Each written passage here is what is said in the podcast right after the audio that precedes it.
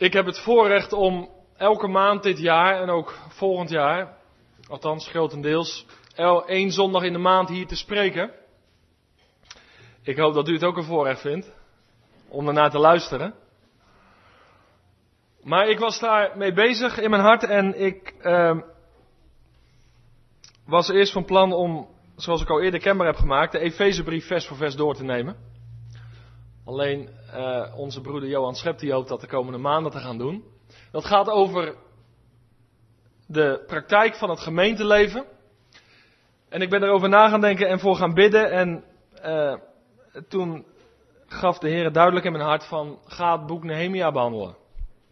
En dat is nogal een flink boek om door te nemen, maar we moeten ergens beginnen. Dus we beginnen vanavond bij Nehemia 1. Dus als je hier vanavond bent, dan ben je eigenlijk verplicht om tot en met het einde van het boek de samenkomsten te bezoeken en dan kan je het volgen. Maar goed, alles is na te luisteren, dus het is vanavond de eerste boodschap van een serie over het boek Nehemia. En we zullen zien dat ook in het boek Nehemia de opbouw van de gemeente, de herbouw, naar voren komt. En waarom ik dat doe, is het volgende. Er is, uh, we hebben een heel mooi jaar achter de rug hier, er zijn wonderlijke dingen gebeurd. De Heer heeft gebouwd. Alleen ik ben ervan overtuigd dat hij verder wil gaan. En in de opbouw van een gemeente kom je allerlei dingen tegen. Hele positieve, blijde dingen. Maar je komt ook moeilijke dingen tegen. Je komt moeilijke mensen tegen. Die zijn hier natuurlijk niet, maar die kom je in nagenoeg elke gemeente tegen. En Nehemia kwam ze ook tegen. Al die dingen. En hij is toch daar in de weg met God gegaan. En hij heeft volhard. Het was echt een man van God. En daarvoor heeft hij veel gebeden. Er komen diverse gebeden in het boek voor. Dus in het kader van de opbouw van de gemeente hier wil ik een aantal principes steeds gaan uitleggen. Vanuit het boek Nehemia toegespitst op onze situatie en dan met name op een stuk gemeenteopbouw, herbouw. We hebben een stuk groei meegemaakt vorig jaar qua aantal. Maar als we groeien in aantal, dan gaat God soms ook moeilijkheden zenden of hij laat moeilijkheden toe om ons te vormen, te verdiepen en te midden daarvan stand te doen houden. Dus we staan met elkaar voor de uitdaging, gaan we in Nehemia 1 beginnen en maken we het af en ga je daarin mee? Laten we ons onderwijzen en dat we ons voordeel ook met dit boek doen. En ik ben ook niet zo voorstander van allemaal losse teksten dan weer dat, dan weer dat. Dus ik wil ook eens een serie preken houden, zodat je met me meegaat door een Bijbelboek heen. Dat is voor jezelf ook goed. Dan hier en daar wat losse teksten. Dus dat als inleiding even op de bedoeling voor het komende, ik weet niet hoe lang ik erover doe. Het zal niet iedere keer een hoofdstuk zijn, soms twee hoofdstukken, soms een gedeelte van een hoofdstuk. Maar dat is net hoe de Heer dat verder leidt. Beginnen in Nehemia 1. De woorden van Nehemia, de zoon van Hagalja. Het gebeurde in de naam Gisleu in het twintigste jaar, toen ik in de burg Suzan was. Je moet weten dat Susa was een van de hoofdsteden van Babel destijds. Dat Hanani kwam, een van mijn broers. Het is niet helemaal duidelijk of dat echte broer was in de zin van het gezin, of dat dat iemand was die in de nabije omgeving van uh, Nehemia was. Maar hoe het ook zij, hij stond dicht bij Nehemia. En Hanani kwam, hij en de mannen uit Juda. En ik vroeg hun naar de Joden die ontkomen waren, die uit de gevangenschap overgebleven waren.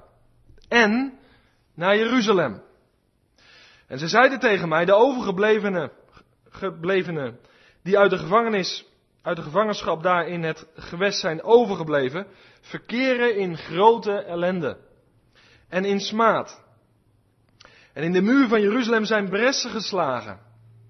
En zijn poorten zijn met vuur verbrand. En het gebeurde toen ik deze woorden hoorde, dat ik ging zitten en begon te huilen. En ik bedreef enkele dagen rouw, terwijl ik voor het aangezicht van God van de hemel vastte en bad.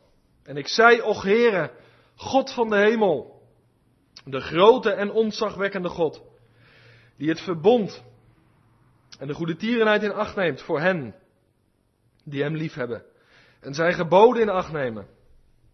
Laat uw oor toch opmerkzaam zijn En uw ogen open om te luisteren naar het gebed van uw dienaar, dat ik dag en nacht voor uw aangezicht bid voor de Israëlieten, uw dienaren.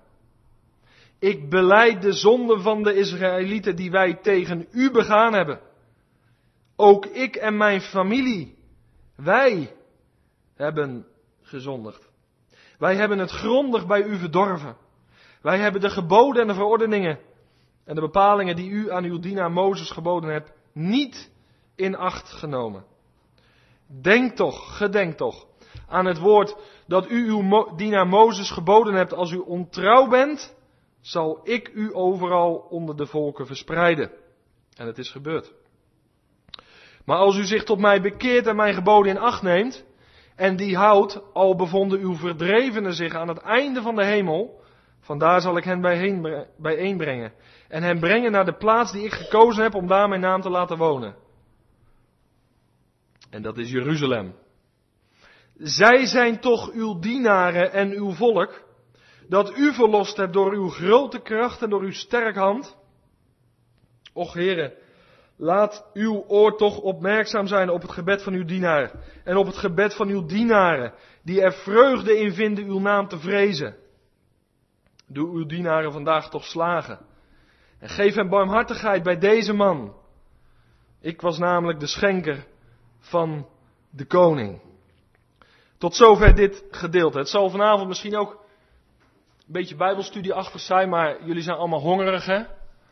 Dus dan wil je weten wat heeft God nou te zeggen. Van vers tot vers. Dus ik hoop dat je echt hier met een biddend, verlangend hart bent gekomen. En dat we samen gaan ontdekken wat God ook voor principes in dit eerste hoofdstuk van het boek Nehemia tot ons heeft te zeggen. Ik wil straks ook een moment hebben van gebed aan het einde. Dus dan kan je alvast wat vrijmoedigheid verzamelen in je hart. Zodat je ook vrijmoedig straks een gebed kan uitspreken. Als we met elkaar aan het einde ook willen bidden. Want dat is toch biddag. En ik moet zeggen dat ik in heel veel biddagen, althans die heb ik meegemaakt, maar er werd weinig gebeden in die diensten. Er werd meer gepreekt dan gebeden. En daar wil ik vanavond hier althans een verandering in aanbrengen. Want het is van belang dat we leren om te bidden. En Nehemia is ons daarin voorgegaan. We gaan nog één lied zingen, 541. Heer, ik hoor van rijke zegen die u uitstort keer op keer. En dat is ook echt mijn verlangen, dat is mijn gebed dat God dat ook hier vanavond, maar ook in de toekomst bij de voorduur zal gaan doen van zijn geest. De rijke kracht en de zegen ons laat ervaren. En ondertussen zal er ook een collecte worden gehouden.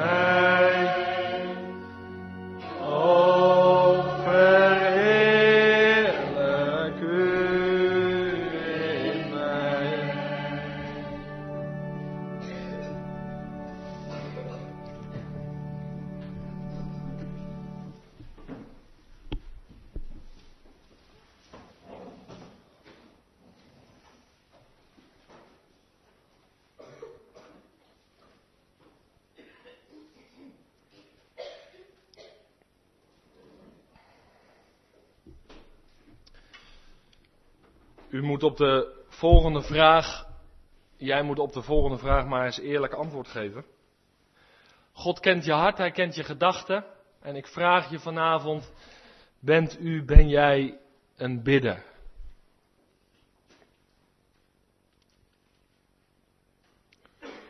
Ik heb het vanaf deze plaats al eerder gezegd, als God de wanden van uw slaapkamer, uw binnenkamer laat spreken, wat zeggen ze dan over uw, over jouw gebedsleven?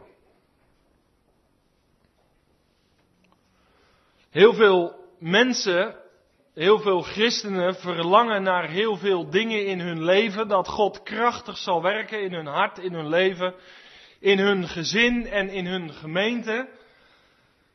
Maar als ik die levens bekijk, dan zie ik dat daar één ding ontbreekt en dat is aanhoudend vurig gebed. En dat is het grote probleem van de christenheid vandaag. En we zullen het zien in het leven van Nehemia, die man die had bidden geleerd. En mijn vraag is nogmaals, bent u een bidder? Al zou ik nou vanavond eens hiervoor aan beginnen. En ik zou je heel persoonlijk vragen, heb je wel eens de kracht van gebed in je eigen leven ervaren? Drie hebben er dat ervaren.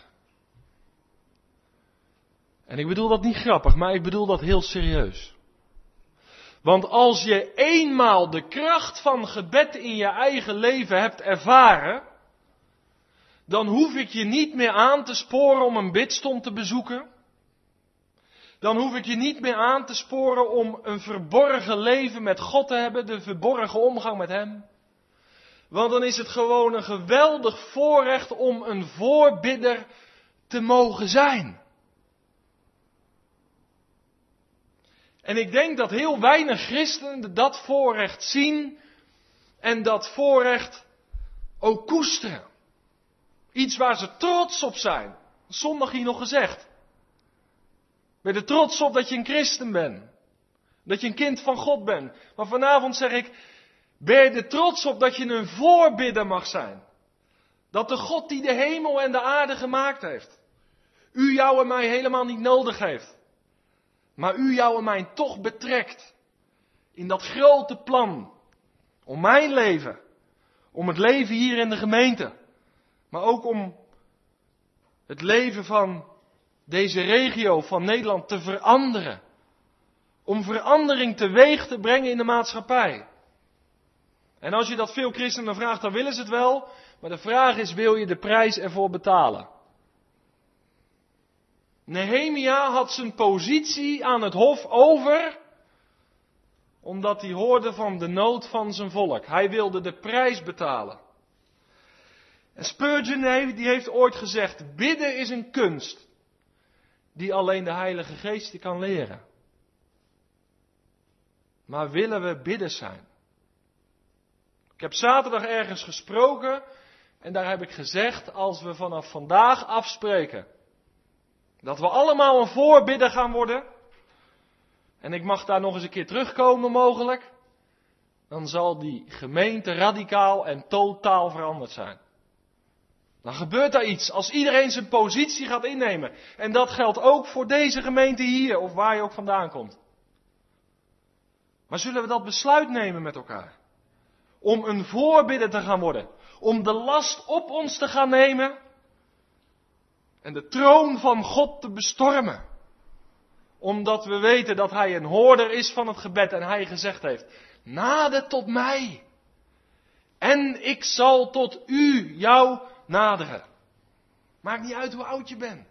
Als je jong bent, kan je God in je leven ervaren, krachtig. Dat Hij de levende is. Dat Hij spreekt. Elke dag opnieuw. En nu staat het gebed niet hoog op de agenda.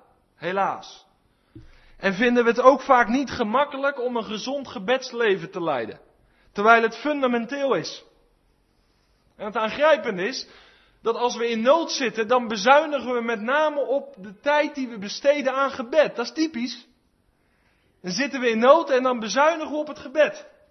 Nou, een heel eenvoudig voorbeeldje. Als je er even van uitgaande. Je kent die uitdrukking wel dat het gebed de motor is van de gemeente. Zijn we het daarover eens met elkaar? Van je persoonlijk leven van de gemeente. Het gebed is de motor. Dat hebben we vastgesteld. Maar hoe zit dat nou met een motor die in een auto zit? Nou, een auto zonder motor, ik zal je waarschijnlijk niet verrassen, maar die rijdt niet. Heb je wel eens een auto zonder motor zien rijden? Jullie moeten daar lang over nadenken. Ik niet. Het feit dat die auto er mooi uitziet. Het feit dat die auto van een goed merk is. Doet er niks aan af dat als er geen motor in die auto zit, dan doet hij het niet. Je kan er van alles op vastmaken. Je kan hem de mooiste kleur geven. Hij kan van het beste merk zijn, maar als de motor er niet in zit, dan is het alleen maar mensenwerk om hem vooruit te krijgen. Amen. Als de motor uit de, gemeente is, uit uw leven is, dan is alles wat u doet, hoe vroom, hoe godsdienstig, het is mensenwerk. Maar dat is voor mij bevrijding. De geest die bidt in mij door mij heen. Dat is de motor van mijn leven. Dat is geen mensenwerk, dat is Gods werk. En dat voorbeeld van die auto vinden we logisch. Maar hoe is het in de gemeente? Is er gebed? Ben je vanavond hier naartoe gekomen dat je dacht, ik hoop wel dat we ook een moment van gebed hebben, want ik heb toch een gebed op mijn hart? Dat moet eruit. Herken je daarin? Dat verlangen om je hart met God te delen. En dat God vanavond zijn hart met u, met jou wil delen. En weet je wat ook aangrijpend is bij zo'n auto? Je kan op van alles bezuinigen. Als iemand naar de dealer gaat, dan zegt hij, nou ja, die auto vind ik een beetje prijzig. Doe dat er maar af en laat dat extra maar weg. Maar heb je wel eens een klant gehoord die zegt, bezuinig maar op de motor, haal die er maar uit. En alle luxe die erop zit, laat dat alsjeblieft zitten. Maar die motor, die mag je er dan uithalen. Nou, in de christelijke gemeente hebben we vandaag allerhande toeters en bellen. Die moeten de mensen trekken. En als je zegt, joh, ga even rustig zitten, maar bidden jullie hier ook? Bidden? We hebben toch onze samenkomsten en activiteiten. We zijn, we zijn volop in bedrijf, maar bidden? Ja, dat is de motor. Had je het nog niet ontdekt? Dan is de vraag of je ooit de kracht van God, de kracht van het gebed in je leven hebt ervaren. We bezuinigen overal bij een auto, maar niet op de motor. Laat het vanavond, de boodschap van vanavond, helder zijn. Dat waar we ook in de gemeente op bezuinigen. Wat mij betreft zingen we a cappella. Of zonder biemen. Maar laten we niet bezuinigen op het gebed. Laten we niet bezuinigen op de motor. Wees er als er gebeden wordt. Wees geestelijk betrokken als er momenten ook hier in de samenkomst zijn van gebed. Waar we ook op bezuinigen, laten we niet bezuinigen op de motor. Niet op het gebed. Want van Nehemia leren we dat God één man gebruikt die zich voor God verootmoedigt. En een heel volk komt in beweging. En de muren van Jeruzalem gaan herbouwd worden. Eén man die zich voor God verootmoedigt. Mijn vraag is, wil jij die man zijn? Wil jij die vrouw zijn? Die onder de last van de gemeente klimt en zegt, Heere God, ik ben niet blij met activiteiten alleen. Ik ben niet blij als het kerkblad weer uit is. Ik wil de kracht van u zien in de levens van mijn broeders en zusters en in mijn eigen leven. Al zitten we in een hutje. Al lekt het dak aan alle kanten. Maar God is tegenwoordig. Is dat je verlangen? Kijk, dan gaat er iets gebeuren in je leven en in de gemeente. Zijn we niet meer tevreden met allerlei activiteiten, dan loopt het weer, dan draait het weer. Nee, we verlangen naar God, zijn tegenwoordigheid. En dat je, dat, je, dat je de geest van God aan het werk ziet. Heb je het wel eens gezien in levens van mensen? De geest van God aan het werk. Levens veranderen naar het beeld van de Heer Jezus Christus. Waarom? Omdat er gebeden wordt. Bolwerken worden geslecht door gebed. En Nehemia kende het geheim van gebed, het Joodse volk. Het was weggevoerd naar Babel, het was in ballingschap. En Nehemia was als balling ver verwijderd van de plaats die God verkoren had om te wonen. En dat was Jeruzalem. Wonderlijk, toen al de plaats door God verkoren en straks de stad van de grote koning. Dat gaat komen, dat staat voor de deur. Als hij zijn voeten zet op de olijfberg, toen al verkoren. En in de toekomst ook verkoren. Op het moment door velen gehaat en verworpen. Maar de koning der koningen en de heren der heren zal straks een intrede doen in Jeruzalem. De stad van de grote koning. Ook voor de toekomst heeft God hem verkoren. Als de stad, ja sterker nog, als het centrum van de wereldregering. Jeruzalem, geloof je dat nog? Geloof je dat nog? Dat zegt de Bijbel namelijk. Laten we daaraan vasthouden, aan die geweldige hoop. En Nehemia had een kloppend hart. En nu moet je weten, soms is het wat lastig om in één keer in zo'n boek in te vallen. Eh, het, het Joodse volk was weggevoerd in ballingschap en inmiddels waren er twee groepen teruggekeerd. De eerste groep was onder leiding van Zerubabel en hij had het altaar herbouwd. De plaats van aanbidding. De tweede groep was teruggegaan onder leiding van Ezra. En Ezra had de tempel herbouwd. De plek van gemeenschap, van ontmoeting. En in Nehemia, Ezra en Nehemia was van oorsprong volgens vele uitleggers één boek. Maar in Nehemia zien we de derde groep terugkeren onder leiding van Nehemia. Want we hebben de plek van aanbidding, het altaar. We hebben de tempel, de plaats van de gemeenschap en de ontmoeting. Maar er zijn gaten in de muren van Jeruzalem. En het boek Nehemia neemt ons dus mee naar die derde groep die terugkeert En in het boek Nehemia staat de herbouw van de muren van Jeruzalem, de herbouw van de stad, maar met name ligt de nadruk op de muren, staat centraal. En nou is het wonderlijk dat Nehemia zich nog in het heidendom bevindt, in Babel, maar dat zijn hart klopt voor zijn volksgenoten en voor de stad die God verkoren heeft.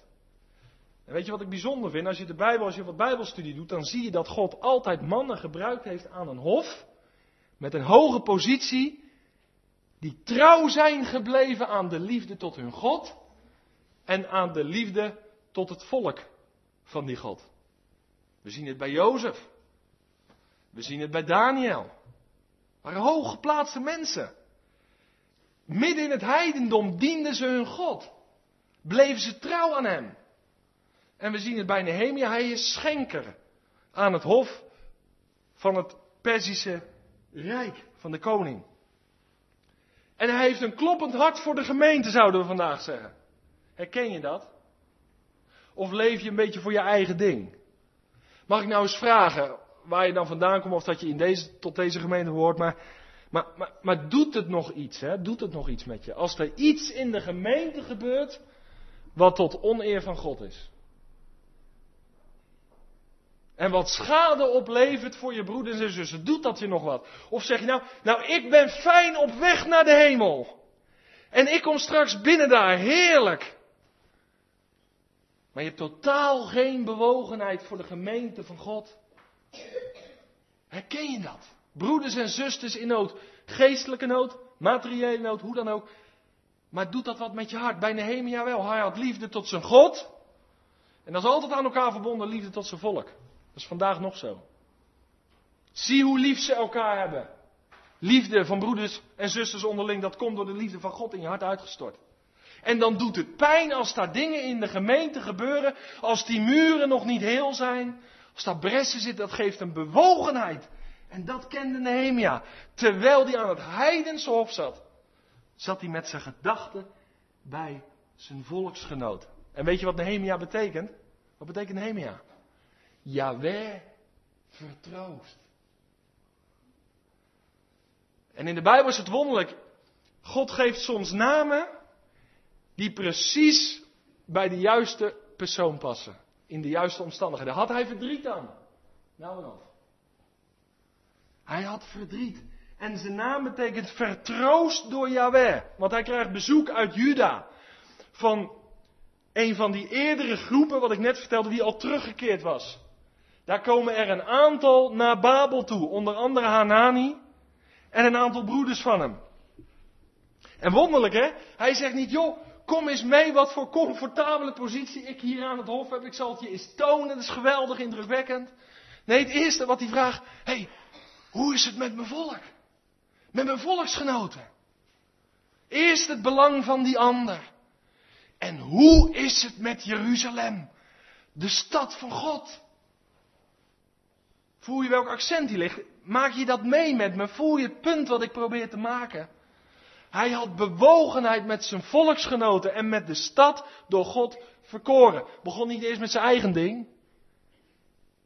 Wat geweldig als je die broeders en zusters in de gemeente hebt. Die, die even voorbij zichzelf kijken. En die bewogen zijn met de gemeente, die hun oren gespitst houden, ogen open. Wat is er gaande? Groeien we nog geestelijk? Bloeit de gemeente nog? Groeit die nog? Nee, niet alleen in de breedte, maar met name in de diepte. Zijn we gegroeid in de kennis en de genade van onze Jezus Christus? Dat. Of zijn er, probeert de dwaalleer binnen te dringen, ook bij ons. En worden we van het kruis afgeleid. Herken je dat in je leven? Nehemia had het. Het eerste wat hij vraagt, hoe is het met mijn volksgenoten? En hoe is het met Jeruzalem? De stad van God. Nou, dan krijgt hij een wat treurig antwoord. Dat kan je lezen in vers 3. Het antwoord bestaat uit twee delen. Hij zegt de teruggekeerde ballingen. Die verkeren in grote ellende en smaad. En in de tweede plaats zegt hij, er zijn bressen geslagen in de muren van Jeruzalem en haar poorten zijn verbrand. Het volk in grote ellende en smaad. En er was nog wel een muur om Jeruzalem, maar er zaten gaten in, er waren bressen geslagen. En de poorten waren verbrand, die waren grotendeels van hout. Die waren verbrand. Ik kom zo nog op het beeld van poorten en muren. Maar wij hebben niet zoveel met een stadsmuur, toch? Ja, ik weet, Woudrichem is nog een vestingstadje. Kom je nog een muur tegen? Maar voor ons is een toeristische trekpleister geworden. Een stadsmuur, daar lopen we omheen. Zeggen geweldig zeg. En dan lopen gids mee. Maar echt veel hebben we er niet meer mee, toch? Maar in die tijd had het grote, grote betekenis. Waarom? Nou, die stadsmuren die symboliseerden kracht en vrede. Maar ook macht en schoonheid van de stad. Had je stadsmuren, dan had je betekenis in de zin van kracht. Pas op. Het gaf vrede, bescherming, veiligheid. Maar het gaf ook macht en schoonheid aan de stad. Uitstraling. Ze boden dus veiligheid, bescherming tegen de invallen van de vijand. Maar nog wat. Ik heb gezegd, die eerste groep, ik hoop dat je me volgt. En anders moet je het nog maar een keer naluisteren. Die eerste groep onder leiding van Zerubabel, die waren teruggekeerd, was het altaar herbouwd. De tweede groep onder leiding van Ezra was teruggekeerd, was de tempel herbouwd. Maar ondertussen zaten nog gaten in die muren. En de poorten waren verbrand. Met andere woorden, alles wat onheilig was, kon zo binnenkomen. De muren stellen ook afzondering voor van het kwaad. En als er geen duidelijke, krachtige, dichte muren zijn, dan is er geen onderscheid meer tussen heilig en onheilig. Dan kan je een altaar hebben. Kunnen we het hebben over aanbidding. Dan kunnen we zeggen, nou het is zo knus bij ons. We hebben de gemeenschap, de tempel herbouwd. Maar ondertussen, alles wat onheilig is, dringt binnen, vijanden dringen binnen. Die muren zijn er nog niet. Voel je? De stad is nog niet compleet, toch? Ik hoop dat je me volgt. En dit krijgt Nehemia te horen. Kan je begrijpen dat hem dat aan het hart grijpt? En wat gebeurt er dan? Dan krijgt hij een last op zijn hart, door God gelegd. En het is zo mooi wat Jezaja profeteert over de toekomst van Sion. In hoofdstuk 60, vers 18 daar staat, dat is heel mooi, er zal niet meer gehoord worden van geweld in uw land, van verwoesting of rampen binnen uw grenzen, maar uw muren zult u noemen heil en uw poorten zult u noemen lof. Toekomst van Sion. Als het gaat over de toekomst, dan zullen daar muren staan die werkelijk staan. Indrukwekkende poorten, ja zo indrukwekkend dat de Bijbel zegt in Jezaja, uw muren zullen we noemen heil en uw poorten lof. Daar gaat wat van uit. Dat is toekomstmuziek. En nu moet je weten dat wij als gelovigen zijn een tempel van de Heilige Geest. Dat heb ik hier meer gezegd. Als je de Bijbel goed leest, dan wordt de gemeente als geheel ook vergeleken bij een stad. Openbaring 21 zegt onder andere, en ik zag het Nieuw Jeruzalem neerdalen als een bruid. Maar er wordt ook het woord stad genoemd. Openbaring 21. Dus de gemeente wordt in de Bijbel ook vergeleken met een stad. En die lijn willen we doortrekken. Als gelovigen zijn we een tempel. Maar alle gelovigen samen, dat is de gemeente van de levende God. En ook voor ons, nu vandaag, ligt er de oproep om een muur om een, om een muur om de stad van onze ziel persoonlijk te bouwen en die in stand houden, maar ook om de muur van de gemeente te bouwen en die in stand houden. Wat dat betreft zijn we ook wachters op de muren. En als Nehemia dit hoort van zijn volksgenoten, dan gebeurt er iets met hem. En dat wil ik je eerlijk eens vragen vanavond. Wat doet dat u, wat doet dat jou? Laat ik dat gewoon maar eens eerlijk zeggen. Het heeft mij aangegrepen. Toen ik hier eind 2010 kwam en de situatie van de gemeente zag. En als anderen het niet gezegd hadden, dan had ik het vanavond niet durven zeggen, maar het was op sterven na dood. En mijn vraag is, hebben we de pijn van dat sterven gevoeld? Niet alleen bepraat, dat gebeurt heel vaak. Mensen kunnen praten. Ah, dat deugt niet en dat niet. Maar hebben we pijn, innerlijk hartzeer ervaren. En dat even voor deze gemeente, maar waar je ook vandaan komt. Ken je nog de pijn dat als het in een gemeente niet gaat zoals de Bijbel het zegt, heb je daar nog verdriet over? Kijk, we zijn meesters in, ja, dat moet, die moet eruit, dat klopt niet. Of ja, ze moeten die eens vragen, dan zal het veranderen. Of ja, altijd al een lastig figuur geweest. Dat hè. Maar, maar dat doet Nehemia niet. Nehemia begint te huilen. Hij gaat, in het stof, hij gaat zitten in het stof. De tranen rollen over zijn wangen. Hij huilt, hij weent. Hij heeft hartzeer. Kijk, dat is nou een teken van echte bewogenheid. En dan moet je je leven eens op toetsen. Of je zo in je gemeente staat. Niet allemaal wijs, hè? Maar gaan zitten als teken dat hij in het stof ging zitten. En hij begon te huilen. En wonderlijk dat God juist zulke tranen gaat zegenen, weet je dat?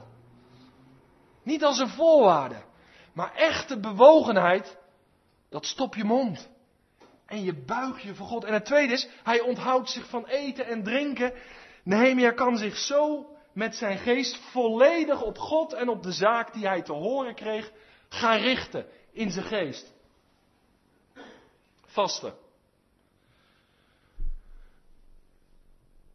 Verantwoord voedsel laat hij even liggen. Mogelijk heeft hij heus wel wat gegeten, maar alle comfort laat hij voor wat het is. Zullen we ook eens gaan vasten met elkaar? Dat we ons zo in onze geest kunnen concentreren op de dingen van God en van zijn gemeente. Dat er zo'n bewogenheid in ons hart is. En ik verlang daar intens naar. En God werkt ook in deze gemeente. Laat dat heel duidelijk zijn. Maar er is veel meer te krijgen. Geloven we dat? Heb je daar geloof voor? Maar God wil dat wel in een bepaalde weg geven. Dat we ons voor Hem gaan buigen. Onze comfortzone gaan verlaten. En ons voor Hem verootmoedigen. En zeggen, Heere God, we verlangen naar de, het werk van uw geest in ons midden. Krachtig. En we hebben het er al eerder over gehad, Aard, dat je zei van, het koninkrijk van God is niet in woorden, maar in kracht. Dat onze levens echt veranderen. Niet hetzelfde, niet dat kabbelende allemaal, dag in dag uit. Maar dat we zeggen, joh, wat ben jij veranderd? Ja, Gods geest is in me aan het werk. Ik heb me aan hem overgegeven, maar ik heb me ook voor hem verootmoedigd. Ik wil alle puin uit mijn leven weg hebben. Ik ben gaan vasten en gaan bidden.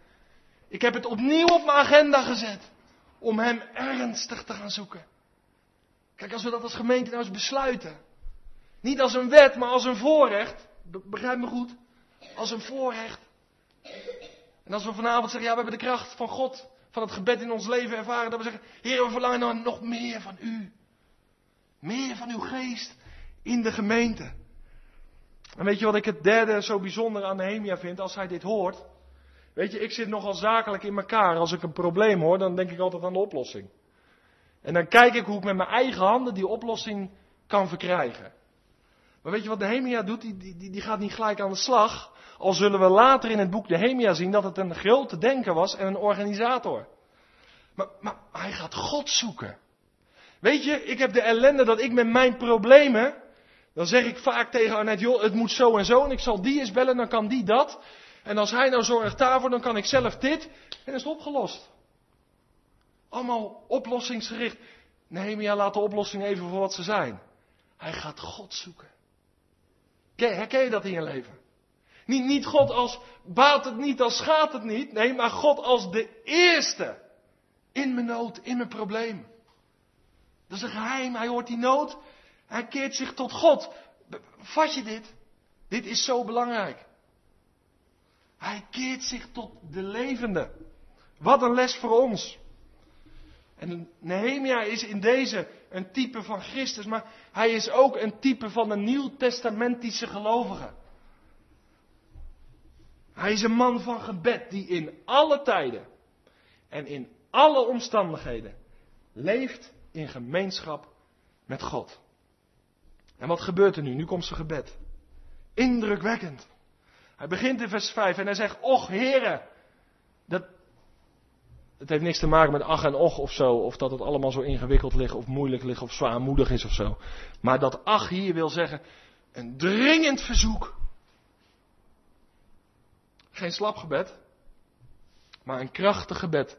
Een gebed met, verwacht, met verwachting. En hij zegt, God van de hemel, de grote en ontzagwekkende God, die het verbond en de goede tierenheid in acht neemt. Weet je hoe hij zijn gebed begint? Hij begint zijn gebed met wie God is. En dat moeten wij leren. Hoe vaak begin je niet, heren, we komen tot u en ik bid u dat. Ga eerst eens je richten op wie God is. Ik heb daar eerder over gesproken in zijn karakter. Hij zegt hier, God van de hemel, grote en ontzagwekkende God. Hij begint Heer, hoe kan het nou dat... Nee, hij gaat hem aanroepen in wie hij is. Hij komt onder de indruk van wie God is. En hij laat zich onder de indruk komen. Laat je dat ook wel eens toe in je leven?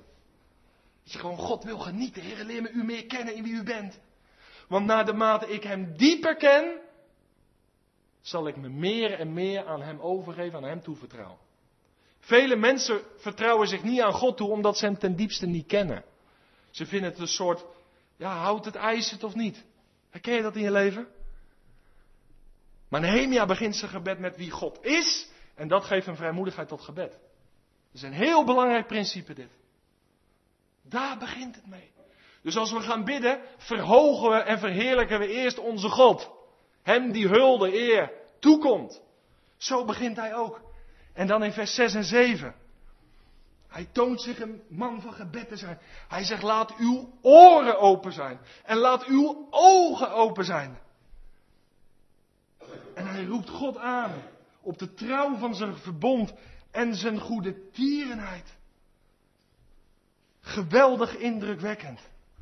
En weet je wat Nehemia doet? Doet hij dat alleen in nood?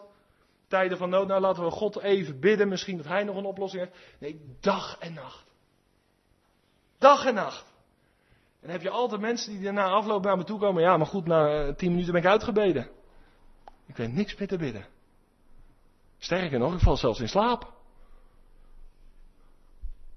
Dag in, dag uit, dag en nacht in gebed met zijn God. Dit is mogelijk. Ik verzin het niet. Als het goed is, staat het ook in jullie Bijbel. En nou gaat het even niet om dat je 24 uur per dag wakker moet zijn. Het gaat erom dat er in je leven een houding is. In de woorden van 2012, een lifestyle is van gebed. Dat dat behoort bij je normale levensritme. Dat is belangrijk. Dat het iets is, een normaal onderdeel, een leven van gebed, omdat Nehemia's hoop alleen op God is. En dan doet hij iets heel belangrijks. En dat is het kenmerk geweest van alle godsmannen en alle godsvrouwen door de geschiedenis. Ze vereenzelvigen zich met de schuld van het volk. En dat is iets wat wij als gemeente ook moeten leren. Het gaat niet om broeder A die niet deugt of B. Want dat had Nehemia ook kunnen zeggen. Vorderen ze nou nog niet, Serubabel teruggegaan, Esra teruggegaan. En nou is die muur nog niet dicht. Wat hebben jullie al die tijd uitgevoerd? Nee, hij zegt, wij hebben gezondigd. Dat is het kenmerk van echte verootmoediging. Niet hij,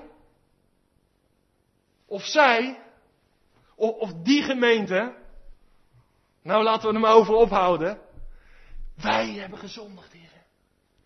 Niet het kabinet, niet de overheid in Alblasserdam, maar wij hebben gezondigd. Herken je dat? Ben je bereid om onder de schuld van je broeder misschien te kruipen? En te zeggen, ik ga die schuld bij God brengen. Ik ga het beleiden. Want ik verlang dat jij in het reine komt, maar dat we de geest van God weer krachtig gaan ervaren. Dat is het verlangen. Hij vereenzelvigt zich met de schuld van het land en van zijn volksgenoten. Hij pleit op Gods eigen woord. Je kan dat lezen Ik wilde het doen, maar ik moet verder in Deuteronomium 30, vers 1 tot 4. Hij pleit op het woord wat God tot Mozes gesproken had. In de eerste vier versen van Deuteronomium 30 vind je dat terug. Komt hierop neer. Wijk je van me af, ik zal je verspreiden onder de volken. Bekeer je tot mij, ik zal opnieuw tot je komen. Dat basisprincipe geldt vandaag nog. Daar waar wij ons verootmoedigen, persoonlijk, als gezin, als gemeente. En ik geloof echt uit de grond van mijn hart, als wij ons verootmoedigen als land, als volk, gaat God in Nederland voor zijn terugkomst grote dingen doen. Dan wil hij opwekking gaan geven. Alleen de vraag is opnieuw, wilt u, wil jij een voorbidder worden? Dat kost een prijs. Die krijgen hun loon, zoals ik eerder heb gezegd, niet hier op aarde. Uitbetaling straks in de hemel. Trouw in de dienst aan de Heer. Ik had het er nog met Cor over net. Op grond daarvan zullen we beloond worden. Trouw. Er zijn veel trouweloze mensen vandaag. Willen heel veel, maar trouw zijn. Niet alleen op podium, maar trouw in het verborgen. Dat gaat God belonen. Nehemia pleit op het woord van Mozes. En in vers 10, ja, dat vind ik zo indrukwekkend vers. Dan zegt hij, zij zijn toch uw dienaren. Het is toch uw volk dat u verlost heeft door uw grote kracht en door uw sterke hand. Hij haalt God in herinnering, de grote daad, de verlossing uit Egypte. Uit de slavernij notabene naar de vrijheid. Het land vloeiende van melk en honing. Hij haalt God in gedachten. Het is toch uw kracht, uw werk, uw... Weet je, Nehemia is zichzelf helemaal kwijt. Herken je dat in je leven? Waar gaat het in jouw leven om? Om de eer en de glorie van God, om wie Hij is, om Zijn kracht, om Zijn eer, om Zijn zoon, om de eer en de glorie, de hulde aan Hem te geven. Herken je dat? Dan ben je jezelf helemaal kwijt, joh. Dat is zo heerlijk. Dat is nou echt vrijheid. Dat het om Hem gaat. En dan heb je ook wat om voor te pleiten. Want Hij zegt, wie u in het verleden bent geweest, u bent toch dezelfde? En dat is zo wonderlijk. In mijn leven. Ik heb ook moeilijke momenten. Momenten van twijfel. Maar dan roep ik God aan. Dan zeg ik, u hebt toen en toen tot me gesproken. U heeft toen en toen mijn gebed verhoord. U heeft toen krachtig tot mijn hart gesproken. Doe het, Heer, u bent dezelfde. En zo strijd je in de gebeden. Totdat, totdat hij gaat horen. Dat gaat soms door moeilijke wegen heen. Maar kijk, dat is met God leven. Hè? Dan ga je wat ervaren in je leven. En Nehemia kende zijn God. Het gaat om u, om u, om u alleen. En dan vers 11. Vind ik bijzonder hè. Nehemia die dient een verzoek in. Maar weet je wat. Weet je wat hij in vers 11 zegt? Dat vind je misschien een beetje gedurfd van mij. Maar hij vraagt uiteindelijk om succes. Durf je dat wel eens aan God te vragen? Hij zegt laat het plan slagen. Ik predik geen welvaartsevangelie voordat je straks naar me toe komt. Maar Nehemia zegt, Heere God laat het plan slagen. Hij, hij, hij heeft een verlangen tot zijn volk. Hij heeft geloof in God. God heeft hem een last op zijn hart gelegd. Hij heeft zich voor God verootmoedigd samen met zijn, de schuld van het volk beleden. Maar hij zegt, Heer, dat plan, hè, die last u op mijn hart legt, laat het gelukken. Is dat je gebed ook voor de gemeente hier? Heere God, laten we hier wekelijks bij elkaar zijn. En dat we uw geest aan het werk zien. Ik werd pas bemoedigd door een broeder van 80 jaar. Ik zat in een bijeenkomst met predikanten. Waar we bidden om opwekking in Nederland. En die man die werd op de nacht van oud en nieuw zo bemoedigd. En ik heb dat lied denk ik op kantoor wel 10, 20 keer gedraaid op YouTube. All over the world. The spirit is moving. En daar werd hij door bemoedigd. God is aan het werk. Misschien nu niet hier zo krachtig in Europa. Maar elders wel, maar hij wil zijn geest ook nu manifesteren in ons midden. Doordat onze levens veranderen voortdurend. Naar het beeld van zijn zoon. En daar verlang ik naar echt. Dus mijn gebed, ik zou hier vanavond plat op mijn knieën willen vallen. Om naar God uit te roepen, laat het de gemeente zijn die bruist. Niet alleen omdat we zoveel activiteit hebben.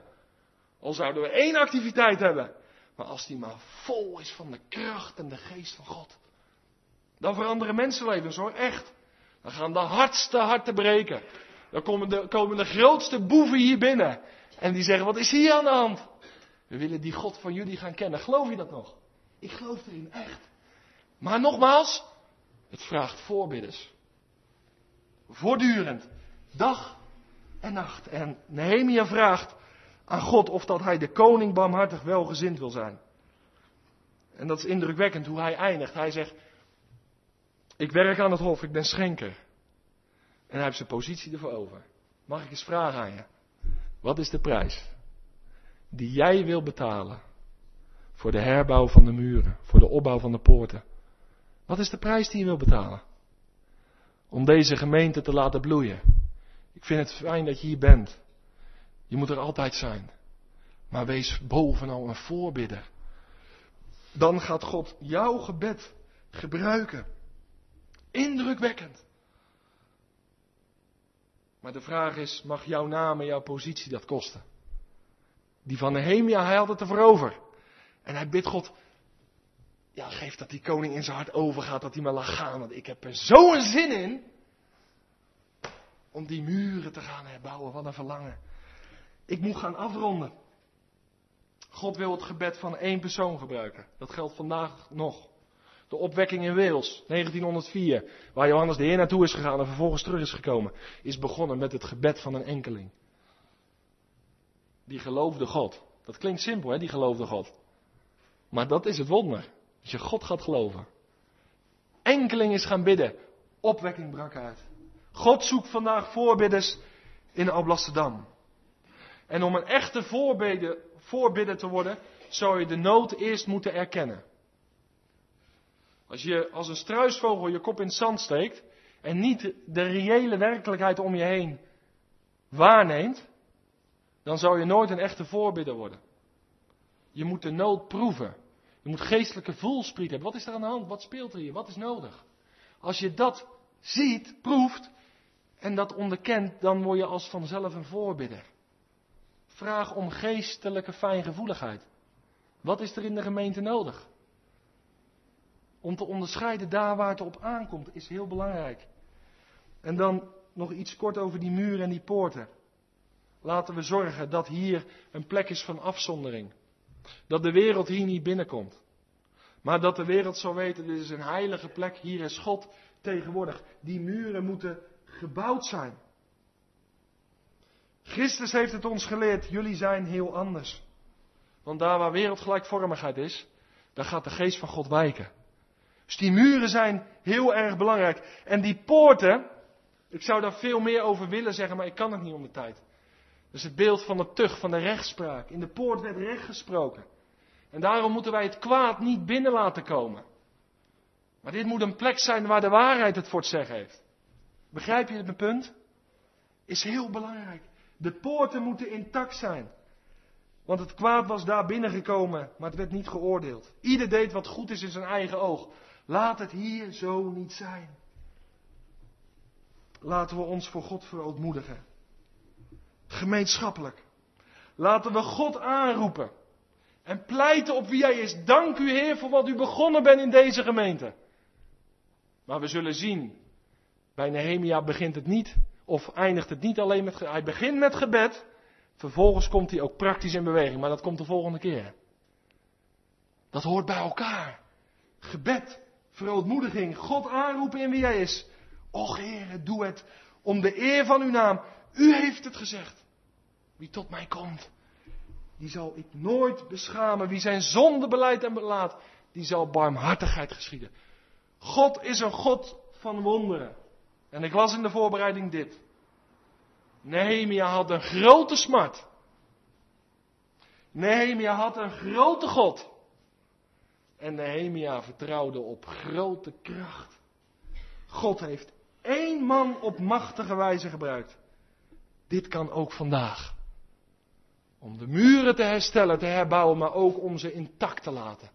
De vraag is vanavond, wat mag het jou kosten om voorbidden te zijn? Voor jezelf, voor je gezin, Maar ook voor de gemeente. En die lijnen wil ik de komende tijd met name gaan trekken. Zullen we vanaf vandaag besluiten. Dat de gemeente elke dag in ons hart, in onze gedachten is. En dat we voorbidden worden. Om hier opwekking te zien uitbreken. In Ablasserdam, in de Ablassewaard. Omdat we weten wie onze God is. Amen.